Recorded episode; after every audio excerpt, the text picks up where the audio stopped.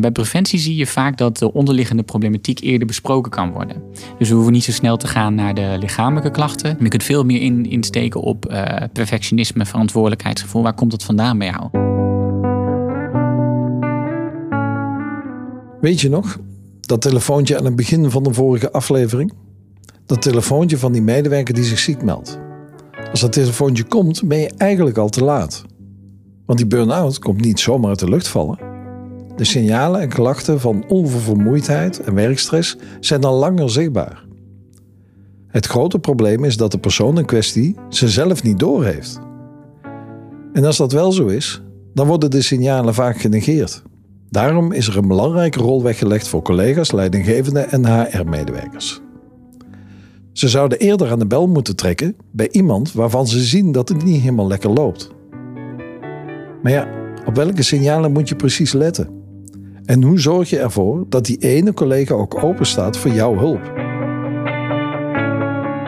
In deze podcastserie Werkstress de Baas gaan we op zoek naar oplossingen en handvatten om stress tegen te gaan. Niet alleen bij jezelf, maar vooral ook bij collega's en medewerkers. Mijn naam is Jan van der Hogen.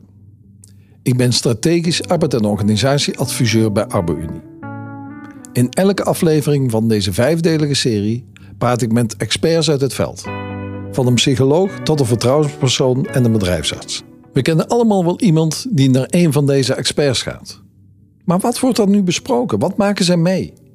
Met andere woorden, een kijkje in de keuken. In deze aflevering praat ik met psycholoog Bas Oldebijvank. In zijn spreekkamer ontvangt Bas veel cliënten die doorverwezen zijn door een bedrijfsarts. De signalen die een burn-out aankondigen, de symptomen die een hoge werkstress verraden, zijn voor hem klip en klaar. Dan zie ik eigenlijk als grootste klachten Um, veel dingen die in het hoofd afspelen, geheugenklachten, uh, concentratieproblemen. Um, dan veel in de buik, buikpijn. Um, en heel veel spanning in de armen en benen, wat vaak leidt tot nekpijn, schouderpijn en dat soort dingen. Dat zijn eigenlijk klachten die je lichamelijk ziet. En qua persoonlijk zie je, denk ik, een hoog verantwoordelijkheidsgevoel, heel erg hoog behoefte aan controle. En een hoog, verantwoord ja, hoog uh, perfectionisme. Is er altijd een lichamelijke component? Bijna altijd wel bijna altijd zie je wel of dat er uh, iets is uh, als hoofdpijn of uh, stress in de nek. en vaak ga je mensen ook leren om beter op te letten wat er allemaal gebeurt.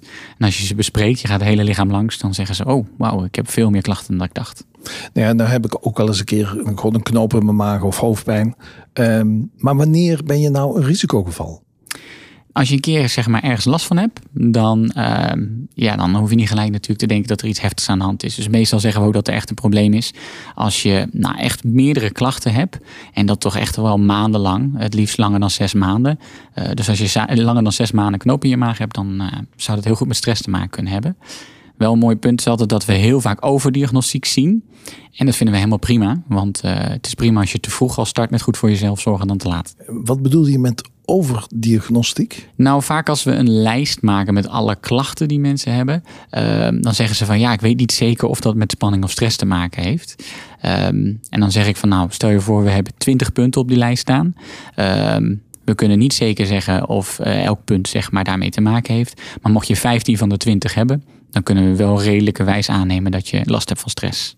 Uit onderzoek weten we dat de grootste risicogroep, als het op burn-out aankomt, jongeren zijn. En dan vooral jonge vrouwen. Volgens Bas zijn daar meerdere redenen voor aan te voeren. Vaak hebben ze net hun eerste baan, hebben ze een hoog verantwoordelijkheidsgevoel en zijn ze ook vaak perfectionistisch.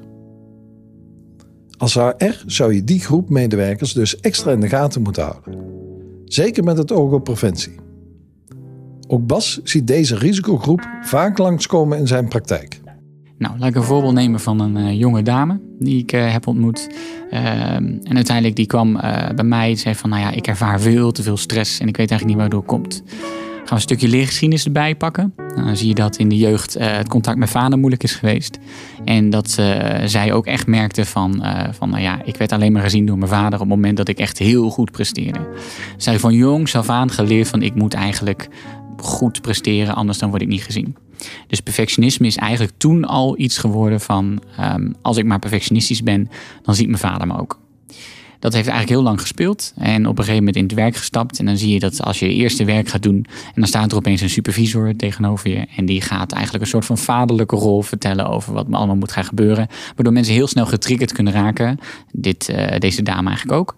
Um, en die merkte op dat moment van, nou ja, de enige tactiek hoe ik hieruit kom om gezien te worden is perfectionistisch gedragen. Op een gegeven moment toen, um, nou, hebben we dat besproken, een levensloop doorgenomen. En ik zei toen tegen haar van, nou ja, weten we zeker dat je alleen gezien wordt als je perfectionistisch bent. Of als je, als je 200% gaat uh, tonen. En toen zei ze, ja, dat weet ik niet zeker. Zijn er aanleidingen om te vermoeden dat jij daadwerkelijk je werk niet goed genoeg doet als we iets minder zouden doen? Nee, ik krijg alleen maar positief feedback. Eigenlijk alles is goed. Oké, dus je zou eigenlijk logischerwijs, ook al voelt het misschien anders, maar logischerwijs zou je wel durven om daar iets van af te stappen. Om te experimenteren of het ook oké is als je wat meer rust in je lichaam hebt. En dus wat minder hard presteert. Ja, dat wil ik wel proberen. Dan zei ik, oké, nou de volgende presentatie die je gaat doen, die ga je niet voorbereiden. Nou, dan zie je de paniek toeslaan bij iemand. Want het is natuurlijk gelijk dat hele stuk komt terug. Wanneer het echt wordt, dan ga je het pas voelen. Um, en dit heeft zij uiteindelijk ook gedaan. En ik heb gevraagd van nou, uh, wat, wat denk je dat er gaat gebeuren? En wat gebeurt er als je angst geen gelijk heeft? Nou, dat bereid je allemaal voor. Deze heeft, uh, zij heeft het uitgeprobeerd en heeft gemerkt van nou ja, eigenlijk ging het veel makkelijker. Want ik hoefde niet na te denken wat ik allemaal opgeschreven had. En ik kon gewoon eigenlijk vertellen wat ik wilde vertellen. En na die tijd kwam ze terug. Dus bij mij, nou ja, heel veel tranen. Want uh, eindelijk de opluchting van ik hoef dus niet perfectionistisch te zijn. Uh, die persoon is niet mijn vader. Um, en die kan daarna gewoon het werk weer veel fijner aan. Die leergeschiedenis waar Bas het over heeft, daar komen we straks nog op terug. Want dat is in veel gevallen een belangrijke factor in het preventieproces. Eerst nog even wat dieper op die risicogroep. Bas is regelmatig op de TU Eindhoven te vinden, waar hij werkt met promotiestudenten. Wat hij daar tegenkomt is interessante leerstof voor bedrijven en HR. Ik denk dat als er uh, een groep is die streberig is en nieuw is in het werk, dan zijn het wel promovendi die net starten. Uh, hele hoge verwachtingen. En niet alleen zelf, maar ook uh, van de wereld om hen heen van hen. Uh, want je moet een onderzoek gaan schrijven, dat moet binnen vier jaar af zijn. Uh, je krijgt heel veel feedback. Um, je moet met allemaal mensen samenwerken, soms met bedrijven samenwerken, die ook nog eens een keer voor jou heel veel geld betalen. Dus als we het hebben over autonomie en regie, nou, dan zie je dat daar eigenlijk het helemaal uh, verkeerd kan gaan. En um, vaak zie je ook dat de supervisoren die daar zijn, of de professoren die daar zijn, hebben vaak ook hele hoge verwachtingen. Omdat het natuurlijk vaak hun onderwerpen zijn, dus een heel erg naar aan het hart gaat. Um, nou, om daarmee te leren dealen als net iemand, net nieuw persoon op een universiteit, uh, ja, dat, dat is heel erg zwaar. En wat zou men dan wel kunnen doen? Want het, het is heel zwaar. Maar um, hoe, hoe, zou je daar wel op een goede manier mee om kunnen gaan? En wat we nu tegenwoordig steeds vaker zien op universiteiten is dat er uh, psychologische uh, begeleiding steeds meer wordt gedaan. Maar ook coaches worden ingezet, trainings, cursussen, uh, introductieweken. Om in ieder geval te zorgen dat je een beetje fijn in die universiteit rolt en weet wat je kunt doen en wat je kunt verwachten. En waar heel veel trainingen nu ook op uh, focussen is uh, nou, op dat stukje regie. Uh, het imposter syndrome is tegenwoordig helemaal hip. Dat moet je even uitleggen. Ja, het imposter syndrome is het idee van ik kan eigenlijk helemaal niks. en iedereen kan alles beter. En ik ben bang dat ik door de mand val. Ehm, dus ik moet maar keihard gaan werken om maar niet te laten zien dat ik het eigenlijk niet kan. Um, een soort coping van, van heel hard werken dus. Ja, het is precies coping. Ja, ja, Dat zie je heel veel. En dan zie je heel vaak dat mensen het heel eng vinden om dat los te laten. Dus als ik niet 110% geef, uh, ja, dan ben ik bang dat ik uh, door de mand val. Um, en ja, als je nog niet hebt geleerd om op jezelf te vertrouwen, omdat alles nieuw is, uh, ja, dan blijft dat vaak zo lang doorgaan dat op een gegeven moment de eerste lichamelijke klachten komen, psychische klachten komen. En we denken van nou, dat zal er wel bij horen. Um, want mijn collega's praten er ook allemaal niet over. Die overigens waarschijnlijk ook allemaal het syndroom herkennen. En dat houdt elkaar lekker in stand, waardoor op een gegeven moment de eerste mensen beginnen uit te vallen. En het uitval is gewoon veel te hoog. Hetgeen wat je nu beschrijft, ik, ik herken dat ook uh, letterlijk soms in mensen om me heen. Um, maar hoe spreek je daar iemand nou op, op een correcte of goede manier op aan? Wat, wat, wat zou je daarmee kunnen? Ja, het lastige is zo, als je het hebt over aanspreken, is het vaak zo'n gevoelig onderwerp. Uh, dat als we mensen erop aanspreken, ligt een beetje aan hoe je het interpreteert, dat het vaak al een heel, heel gevoelig bij diegene overkomt. Um, dus er zou eigenlijk een soort van open uh, cultuur moeten komen waar mensen zich fijn voelen om te praten over hetgene waar ze mee zitten. En dat kan soms op een heel bazaal niveau zijn. En het kan soms ook zijn van nou laten we het even niet over werk hebben in, uh, in deze supervisie. Maar laten we eens even kijken hoe het met jou gaat. Heel gaat met je hobby's, interesse tonen in andere dingen. Ehm, om maar iets van een sfeer te creëren waarbij je het wel kan. Um, uiteindelijk op het moment dat je merkt van goh, het gaat niet goed met iemand, dan is het uiteindelijk kun je het wel bespreekbaar maken. Je kunt het op de agenda zetten. Maar als iemand er zelf niet mee wil komen, ja, dan wordt het heel lastig om iemand op aan te spreken.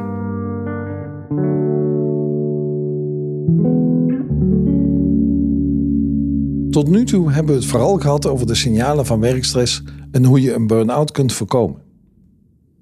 Maar als we het nu eens omdraaien. Want op zich is stress helemaal niet slecht voor je. Sterker nog, je hebt zelfs een bepaalde mate van stress nodig om goed te kunnen functioneren. Denk bijvoorbeeld aan je examen, een sollicitatie of een belangrijke pitch. Stel nu dat er situaties zijn waar je stress van krijgt, moet je er altijd iets aan doen. Ja, wat bij mij dan opkomt is uh, het verhaal over onrusttolerantie. En uh, wat ik daarmee bedoel, is dat we tegenwoordig heel gewend zijn dat als we onrustig zijn, of als we ons vervelen, of als we even iets te doen hebben, dat we gelijk iets moeten doen. En wat we binnen de psychologie uh, weten, en dat noem je het associatief leren, is dat als je elke keer een bepaalde actie volgt naar iets wat je voelt, dan ga je jezelf dat aanleren. Dus voel ik onrust en ga ik gelijk een cursus doen, of voel ik onrust en ga ik gelijk lopen of bezig. Op een gegeven moment leren we onszelf dus aan, door die twee aan elkaar te associëren, dat we op een gegeven moment altijd iets moeten doen als we onrust hebben. Wat weten we nou ook van onrust? Dat het vanzelf weggaat. Dus als je op een gegeven moment onrust weet te tolereren en niet gelijk in actie hoeft te komen, dan merk je meestal, nou ja, vijf minuten zal de meeste onrust al weg zijn. En dan leer je ook op je zelfvertrouwen in plaats van dat je altijd een actie of een ander of iets, iets nodig hebt om rustig te worden. Voor stress is dat een hele belangrijke. Heb ik stress op het werk, ga niet gelijk in actie, ga niet gelijk iets doen, maar laat af en toe ook eventjes gewoon indalen wat er gebeurt. En kijk even, moet ik wel iets doen? Soms is de actie ook niet de, de juiste keuze op dat moment. Het is mooi wat je vertelt, want ik herken in mijn eigen leven. Ik heb in feite om de paar jaar uh, soms wel een gevoel van uh, paniek wat me kan overkomen. En daar heb ik nu de laatste keren ook van gezegd van oké, maar ik weet dat ik er weer uitkom. Um, ik weet eigenlijk ook wel dat het nog eens een keer zal voorkomen. Uh, maar het zij zo. het is misschien ook niet zo erg om dat van tijd tot tijd even mee te maken. Maar het sluit heel mooi aan bij hetgeen wat je zegt. Ja, de paniekcirkel, daar zit daar de, de, volgens mij noemen ze dat de catastrofale misinterpretatie zit daarin. En dus we hebben een bepaalde angst. En die angst die gaat zich vertalen in lichamelijke klachten. We gaan daar heel erg op letten. We denken, mijn adem is heel hoog, mijn, mijn hartslag is heel snel. En als we ons daarop gaan focussen, dan is dat op zich nog niet zo erg. Dan worden ze in ieder geval de klachten waarschijnlijk wel erger. Dan noemen we de muggenbult. Weet je, als je erop let, gaat hij alleen maar meer jeuken. Op het moment dat je op een gegeven moment, wanneer je die dingen ervaart, en je zegt dan tegen jezelf: er is iets mis, dat is die catastrofale misinterpretatie. Nou, en dat blijft herhalen, want je wordt alleen maar angstiger, dan komt de paniek. Wat kun je het beste bij doen bij paniek? En dat zeggen ze ook altijd: eigenlijk gewoon niet zoveel doen. Laat het er maar even zijn. En er zijn wel meerdere tactieken hoor, dus zo makkelijk als ik het nu uitleg is het vast niet. Maar er zijn wel meerdere tactieken, maar één van de tactieken is: laat het gewoon even zijn en vertrouw er even op dat je lichaam dat wel weer oppakt. Maar tune even in, hoe gaat het met me? En tolereer de onrust even. Tolereer de onrust even, zegt Bas dus. Want voordat je het weet, krijg je te maken met die catastrofale misinterpretatie. Wat een mooi woord voor een miserabele situatie. Goed, eerder in de aflevering hadden we het al kort even over de leergeschiedenis. Die jonge vrouw die alleen maar erkenning voelde van haar vader als ze hoge cijfers haalde. Als Bas preventief met medewerkers aan de slag kan, zoomt hij daar vaak meteen op in. Ik vroeg hem dan ook hoe een preventieproces dat hij begeleidt eruit ziet. bij preventie zie je vaak dat de onderliggende problematiek eerder besproken kan worden.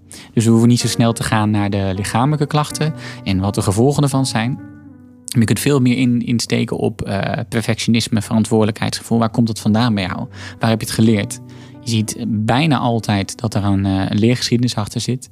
Um, kan bijvoorbeeld een pestervaring zijn op school. Uh, jarenlang gepest, dus altijd uh, je sterker moeten maken.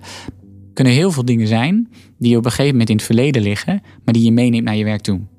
En als we dan weten welke patronen daarin zitten, dan kunnen we op een gegeven moment ook dingen afsluiten. En kunnen we zeggen van nou, dit perfectionisme wat je voelt, wat je gebruikt om jezelf te laten zien, dat had je vroeger misschien nodig in je gezin, maar nu niet meer. Dus durf je ook te experimenteren om dat nu een beetje los te laten. Durf je nu ook uh, een kant van jezelf te laten zien waar je onzeker over bent.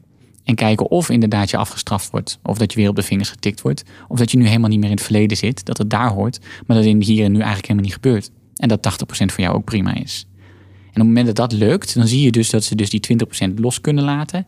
dan komt er vaak een enorme last van de schouders. En dan zie je dat mensen op een gegeven moment eigenlijk gewoon heel fijn met het werk verder kunnen gaan.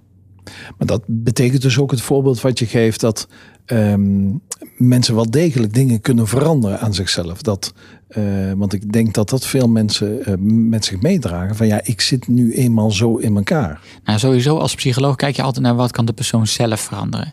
Uh, vooral als de situatie zo blijft zoals die is. En vaak zie je dat je daar echt wel regelmogelijkheden hebt. En vaak denken we van, goh, ik, eh, ja, mijn leidinggevende werkt niet mee. Dan wordt er vaak gedacht van, ja, ik moet vrij krijgen. Of het moet heel erg mee meegedacht worden. Of ik moet meer betalen, betaald krijgen, dat soort dingen. Maar vaak zie je dat je zelf ook al heel veel kan doen. Um, hoe ga je naar het werk toe? Hoe, uh, wat doe je in de weekends? Uh, hoe slaap je? Um, ben je nog hobby's aan het doen? Zijn er nog dingen waar je leuk, die je leuk vindt? Een simpel voorbeeld is wat ik veel hoor, is dat mensen leven van iets wat moet naar het volgende wat moet.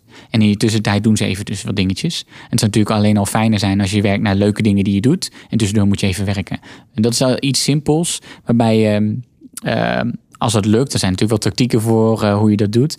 Uh, dat je al ziet dat je wel de situatie iets anders kan veranderen. Misschien is het wel belangrijk om daar aan toe te voegen. Wat we vaak merken is dat uh, het belangrijkste wat we merken bij angst en stress... is niet zozeer het hebben ervan, maar meer de interpretatie ervan. Als je bijvoorbeeld kijkt naar de angstbehandeling, dan is het allerbelangrijkste erbij. En angst en stress ligt heel dicht bij elkaar. Is het allerbelangrijkste erbij dat we als eerste zeggen: ja, dat je angstig bent, daar kunnen we niks aan doen. Als je vervolgens denkt dat je gaat flauwvallen of er geen controle over hebt of er niks mee kan doen, ja, dan gaat die angst pas echt zijn leven leiden. En dus het is heel belangrijk om te beseffen van, nou ja, als ik angst heb, wat doe ik dan? Heb ik dan momenten om eventjes uit te tunen? Kan ik weer tot rust komen? Of is dit iets waar ik gelijk tot actie moet komen? Moet ik er iets aan doen? En dat is met stress ook zo. Heb je thuis een safe haven, dat als je daar komt, je even kan zitten, even kan ontspannen? Of heb je misschien zes kinderen die allemaal iets van je vragen? Uh, nou ja, en soms maakt de situatie het echt heel erg lastig kan. Maar zelfs binnen die situatie moet je echt naar mogelijkheden gaan kijken, want het alternatief is erger als je uitvalt.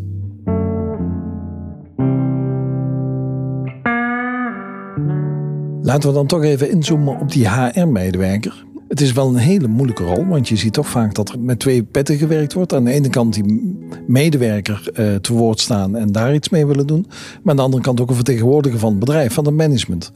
Um, dus als je met klachten zit, nou ja, dan zou het zo kunnen zijn dat je zelf ook in dubio zit van um, ga ik nou bij die HR-medewerker binnenlopen of doe ik het niet? Nou, dat is een hele goede vraag. En wat je dus vaak merkt is dat als die open aanspreekcultuur of, of die open cultuur om over dingen te praten er niet is, dan uh, gaan mensen ook niet bij een HR-medewerker uh, vertellen wat er gebeurt bij hen.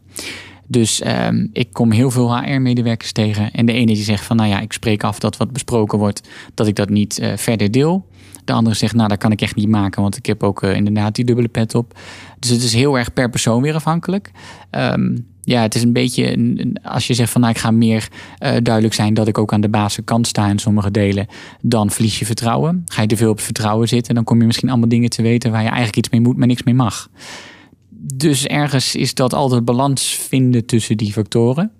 Uh, ik denk dat het vooral handig is om in ieder geval op uh, praktisch vlak duidelijk te maken wat de gevolgen zijn. Want dat vind ik wel de verantwoordelijkheid van uh, een HR-medewerker. En dan iemand ondersteunen om de juiste personen te vinden om je daarbij te helpen. Wat een coach kan zijn, kan een leidinggevende zijn. in ieder geval iemand die ze daarin vertrouwen. Zie je nu ook in jouw praktijk dat er sommige mensen zijn die uh, de klachten gewoon echt een beetje bij zich houden en, en uh, het niet willen delen? Bijvoorbeeld omdat ze een tijdelijk contract hebben of op een andere manier uh, ja, toch benauwd zijn om, om dat open te gooien. Ja, absoluut. Ja, het gebeurt heel veel. Dat mensen inderdaad denken van ja, als ik nu hier eerlijk over ga zijn en mijn contractonderhandeling komt eraan, ja, dan ben ik bang dat het niet gebeurt. dat zie ik heel veel als psycholoog, omdat ik natuurlijk beroepsgeheim heb. Dus mij vertellen ze het hele verhaal. En dat is soms ook wel lastig. Uh, aan de andere kant hebben vaak leidinggevenden dat ook wel door. Maar die durven het dan ook niet bespreekbaar te maken, omdat ze bang zijn dat ze iets verkeerd zeggen. Dus het, zit, het, het is zo'n spanningsveld wat er echt heel duidelijk is, maar dan een soort van niet besproken mag worden. En daarvan zei je zojuist ook van daarin is juist belangrijk om die open cultuur eh, te creëren. En te zorgen dat het wellicht ook gewoon bij je professionele ontwikkeling hoort. Om uh, ook op dat vlak jezelf te ontwikkelen. Ja, het ligt er natuurlijk aan of uh, de mensen waarmee je spreekt wel te vertrouwen zijn of betrouwbaar zijn. Want het kan natuurlijk best zijn dat iemand denkt van nou, we lopen al drie jaar met iemand samen te werken. En die persoon, uh, nou, die is heel erg vaak ziek. Op een gegeven moment willen we dit afsluiten. Dat zou een goede reden kunnen zijn. Ehm, en om dan te vragen van, nou wil je openlijk vertellen wat er aan de hand is, dat nou, geef ik je te doen. Hoe, hoe zou je als uh, leidinggevende of als HR-medewerker om moeten gaan met iemand waarvan je merkt dat hij bang is toch om de klachten te delen? Want je hebt er natuurlijk wel mee te maken. Je, je ziet de signalen mhm. en, en, je merkt het, wellicht de geslotenheid uh, van de persoon. Ja, het ligt dus aan de persoon, eh, ook wat je zelf kan.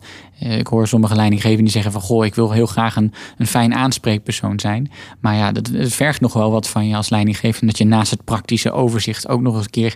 heel veel empathie moet tonen, rust moet hebben... ruimte moet geven aan iemand. Ehm, dus soms is het ook beter om te zeggen van... nou, uh, we gaan je extra laten ondersteunen met een coach. Wat ik, wat ik vooral belangrijk vind, uh, is, is dat woord regie weer. Ik vind het heel belangrijk dat mensen zelf kunnen bepalen... wat heb jij nu nodig van mij... In plaats van dat de leidinggevende, wanneer die denkt van dit loopt niet lekker, nog duidelijk gaan maken: dit moet je doen, dat moet je doen, zus moet je doen. En het kan ook zijn van je moet rust nemen of je moet nu verplicht een week thuis zitten. Dan nog steeds heb je de regie niet. En uiteindelijk denk ik dat de grootste winstfactor zou zijn op het moment dat iemand zelf de mogelijkheid krijgt om te zeggen van hé, hey, ik heb nu dit nodig. En soms kan dat zijn dat iemand zegt van nou, ik wil eigenlijk gewoon op een dag drie keer een pauze van 10 minuten. Uh, en als iemand het vraagt en je geeft dat, kan dat soms die drie keer een pauze van 10 minuten veel meer doen dan dat je iemand zeg maar een maand thuis laat zitten. Kortom, als HR-medewerker of leidinggevende is het best lastig om goed preventief in te kunnen grijpen. Uiteindelijk is het vaak de persoon in kwestie die zelf moet aangeven of er iets speelt. Zorg in ieder geval voor een open en veilige werkomgeving. Probeer dat er in je organisatie op stresssignalen wordt gelet. En het kan ook geen kwaad om de risicogroep van jonge medewerkers, en vooral vrouwelijke jonge medewerkers, wat beter in het vizier te hebben. Ga gewoon regelmatig met hen in gesprek, want uiteindelijk is preventie het beste medicijn tegen werkstress en burn-out. Dit was Werkstress de Baas. In de volgende aflevering gaat het over het verlies en verandering op het werk. Onderwerpen waar we liever niet over praten. Wil je niks missen? Abonneer je dan via Spotify, iTunes of waar jij de podcast vandaan haalt. En hou natuurlijk de website van Abu in de gaten. Mijn naam is Jan van der Hogen. Tot de volgende keer.